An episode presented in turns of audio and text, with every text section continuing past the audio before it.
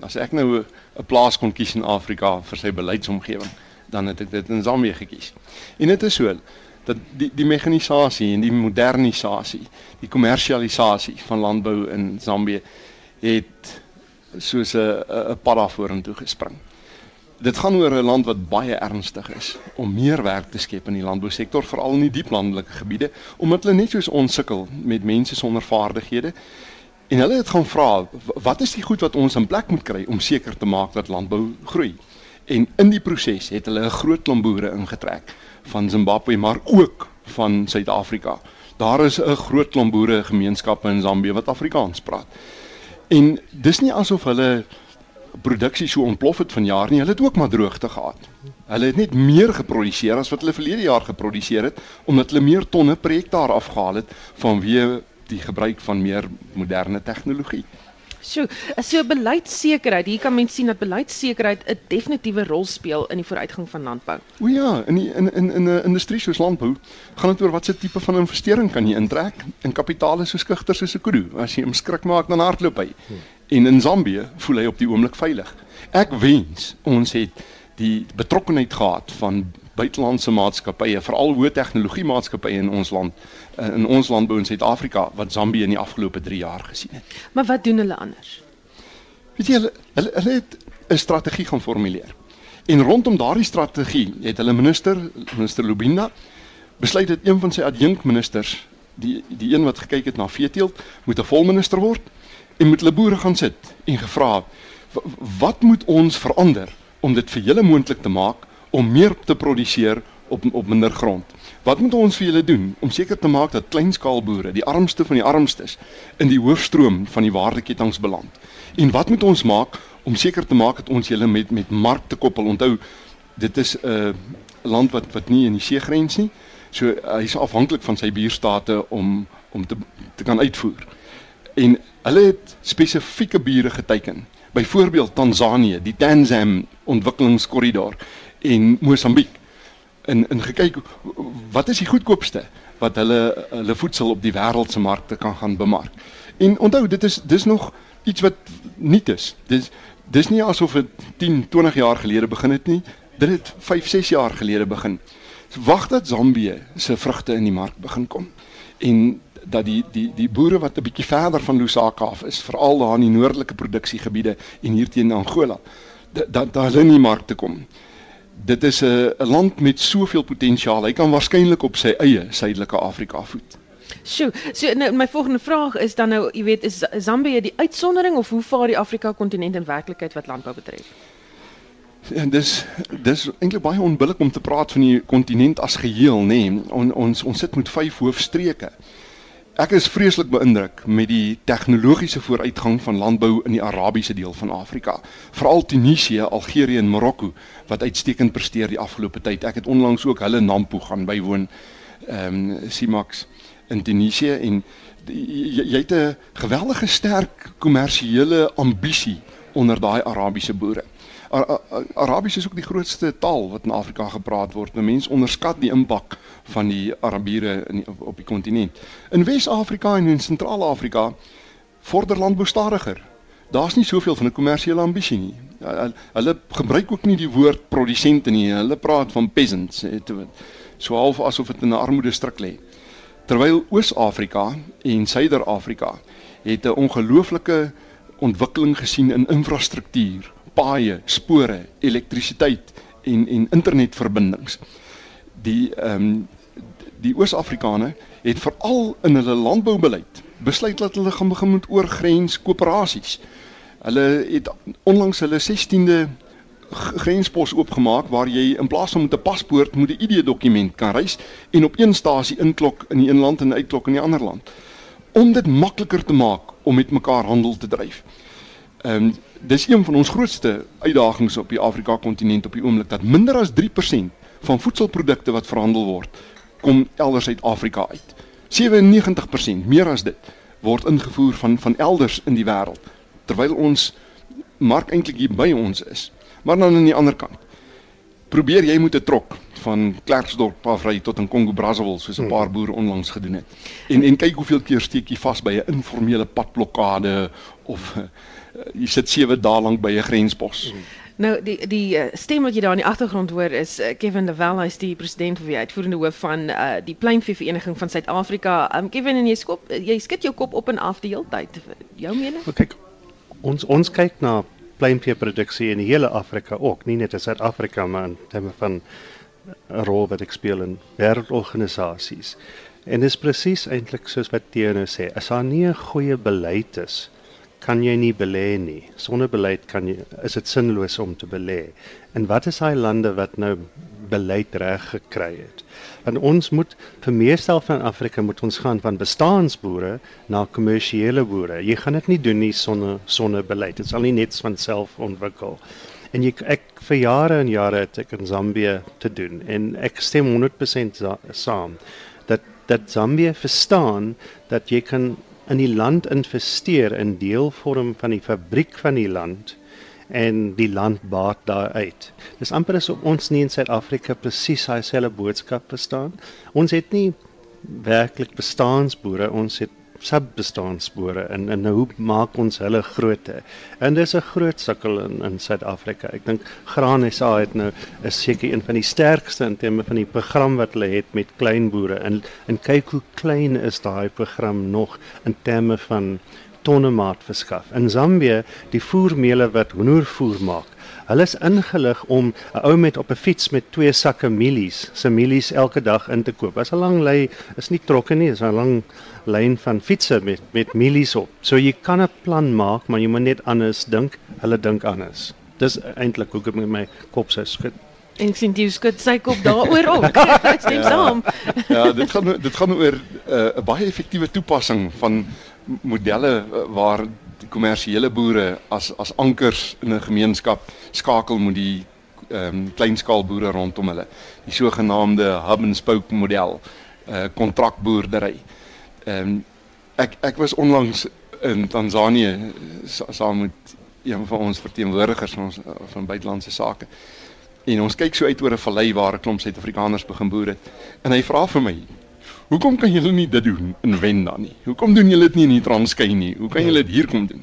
Sê ek vir hom, weet jy, hier is daar 'n ander tipe van vertrouensverhouding tussen die kommersiële boer en die kleinskaalboere. Hier is veral 'n ander tipe vertrouensverhouding tussen kommersiële landbou en die beleidsmakers as as as ons maar daai tipe van verhouding hier gehad het en 'n gedeelde visie hier gehad het, dan was dit 'n totaal ander storie in die onderontwikkelde gebiede. Want dis 'n belangrike punt in Suid-Afrika as die kommersiële boere gesien is deel van die probleem, nie deel van die oplossing nie. En van hierdie ander Afrika lande, jy praat nou van Tanzanië, is die kommersiële boere gesien is deel van die oplossing. As ons nie dit hier kan regkry nie, gaan ons nie veel vorder nie. Mm. My Schuessler het byvoorbeeld dieselfde punt gister hier aangeraak as 'n ekonom en hy het gesê maar Suid-Afrika is nog nie reg vir hierdie gesprek nie, Tieu.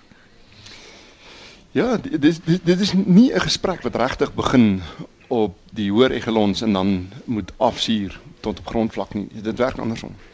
In Mosambiek het ons gesien, dit is omdat 'n kommersiële boer daar onder 'n boom moet sit vir maande, soms vir jare, en moet 'n gemeenskap moet onderhandel vir 'n gebruiksreg op grond. Ehm um, jy as die die beginsel is in Afrika dat daar daar's nie regte grond sonder mense nie. Wil jy grond gebruik, dan trou jy met hierdie gemeenskap. Dis 'n langtermynverhouding hierdie en julle moet vir mekaar hou.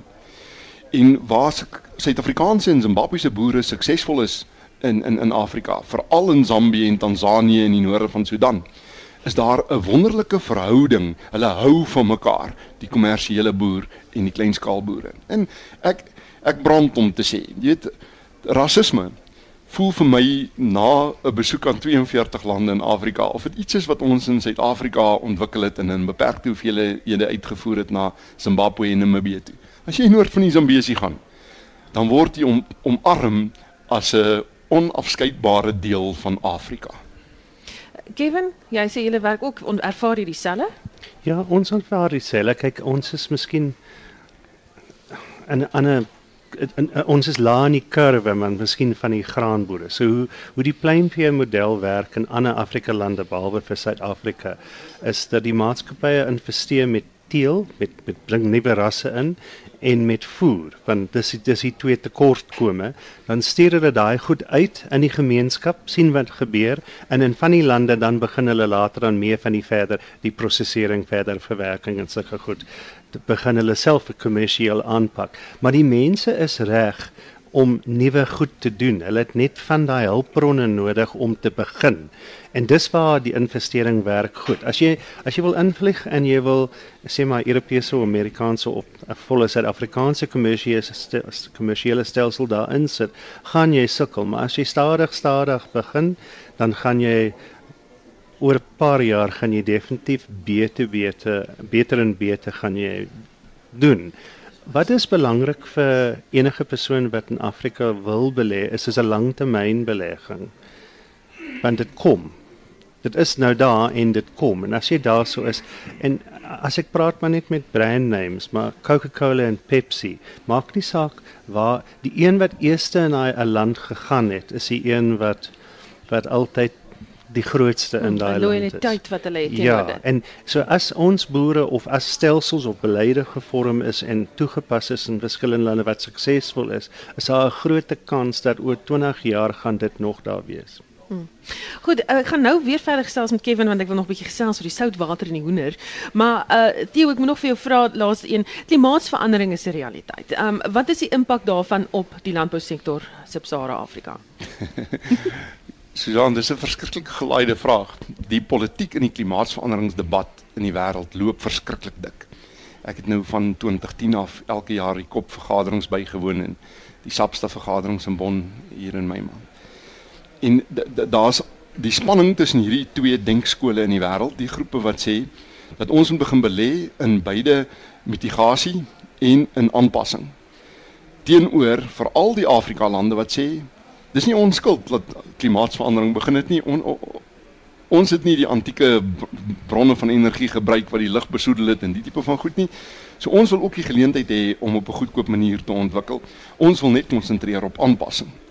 Die vraag wat gaan ons doen om om om om aan te pas is alreeds 'n gelaaide vraag. Persoonlik het ehm um, het ek so 'n bietjie 'n jukstap geloop met met met die Afrika regerings veral uh, die die Afrika Unie se standpunt hieroor.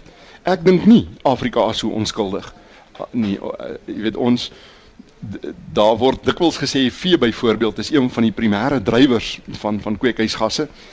Ehm um, maar maar dit is 'n Europese probleem omdat hulle moet 30 groot vee eenhede op 'n hektaar werk en so.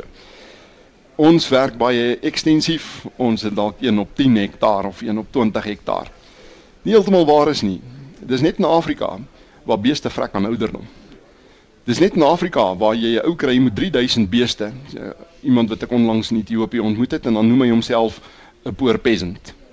Dis net hier in Afrika wat hy weier om sy beeste te verkoop omdat dit nie 'n kommersiële bate is nie. En dit maak dat die gebrek aan kommersialisasie ons eintlik net so aandadig maak. As ons slimmer kan boer, klimaatslim kan begin boer, wat beteken kommersialiseer en mekaniseer? Kan ons 'n baie groter bydrae lewer ook tot die, ons eie aanpassing. En dit was Theo die Jager van die Pan-Afrika Boereorganisasie en nou wil ek teruggaan na Kevin Lewel. Um onlangs is die nuwe regulasies oor die verkoop van pluimvee in die regeringskoerant gepubliseer. Uh, dit is nou rakende die beperking op die hoeveelheid soutwater wat in hoenderprodukte geplaas word. Um alhoewel dit goeie nuus is vir sommiges, is dit nie seker goeie nuus vir ander nie. Um Kevin, jy het onder andere gesê dat hoender nou te duur gaan word vir die meeste Suid-Afrikaners om te koop. Um sê gou vir my, hoe volhoubaar is hierdie nuwe regulasies vir die bedryf? Het julle al studies gaan doen? Jy weet, kyk mense hoeveel soutwater is daar staan. Um, ons het sulke studies gedoen, maar ek dink die eerste belangrike punt is hierdie is maar net goed vir ons kompeteerders, nie goed vir die bedryf of die eindverbruiker. Ek dink ene luisteraar gaan weet jy koop nou 'n fast braai pack in die winkel betaal jy so R40 'n kilogram more or less. Jy koop die ingespuite bevore honde jy betaal so R20 'n kilogram. So met ander woorde hy is werklik goedkoop. Dit is nie dat ons ons spekelwater as vleis verkoop ons verkoop pekelwater as pekelwater ons maak die produk goedkoper dit laat toe dat dat men, meer mense kan 'n proteïen produk koop. Al ons eet nie nou soutwater vir ontbyte kan vaar maar anyway. Mm. ehm um, en so ons het daai studies gedoen. Vir my wat meer tragies is ons het vir die vir departement landbou gevra het julle studies gedoen? Nee glad nie. Hulle het geen e-, regulasiese regulatoriese impak studie gedoen het julle eintlik getoets of of die tegniek of die metodes in die regulasie werk? Nee. So met ander woorde hulle het iets gepubliseer wat ons we weet nie werk nie, wat hulle nie eers die impak daarvan op ons as produsente of eindverbruikers en of die kleinhandel, want dan gaan minder plaaslike produk deur die kleinhandel nou ge gemeet. So vir ons is dit 'n tragedie eintlik, want ons wil saam met departement landbou werk. Ons het nou net gepraat hoe kommersiële landbou moet saam met regerings met beleidsvormers werk. Nou maar as hulle nie verstaan nie, kan jy nie saamwerk nie. En wat gaan julle doen nie omtrent? Nee, ons gaan dit op review moet sit want dis 'n besluit van die staat. So jy kan hom nie regmaak nie sonder om deur 'n hofproses te gaan. Dis baie ongelukkig. Dis die eerste keer in my amper 10 jaar daar wat ons so gedoen het en hopelik die laaste keer ook. Want ek wil eintlik onderhandelend probleme oplos en nie regte gebruik. Want regte is nie 'n baie goeie marriage counselor nie. Hy maak maar net besluite en ons het in, ons is in 'n langtermynverhouding, 'n landbou en die departement landbou. Ons is eintlik altyd getroud. is goed gestel. Baie dankie. Dit was die uitvoerende hoof van die Pluimvee Vereniging van Suid-Afrika, Kevin Lewel.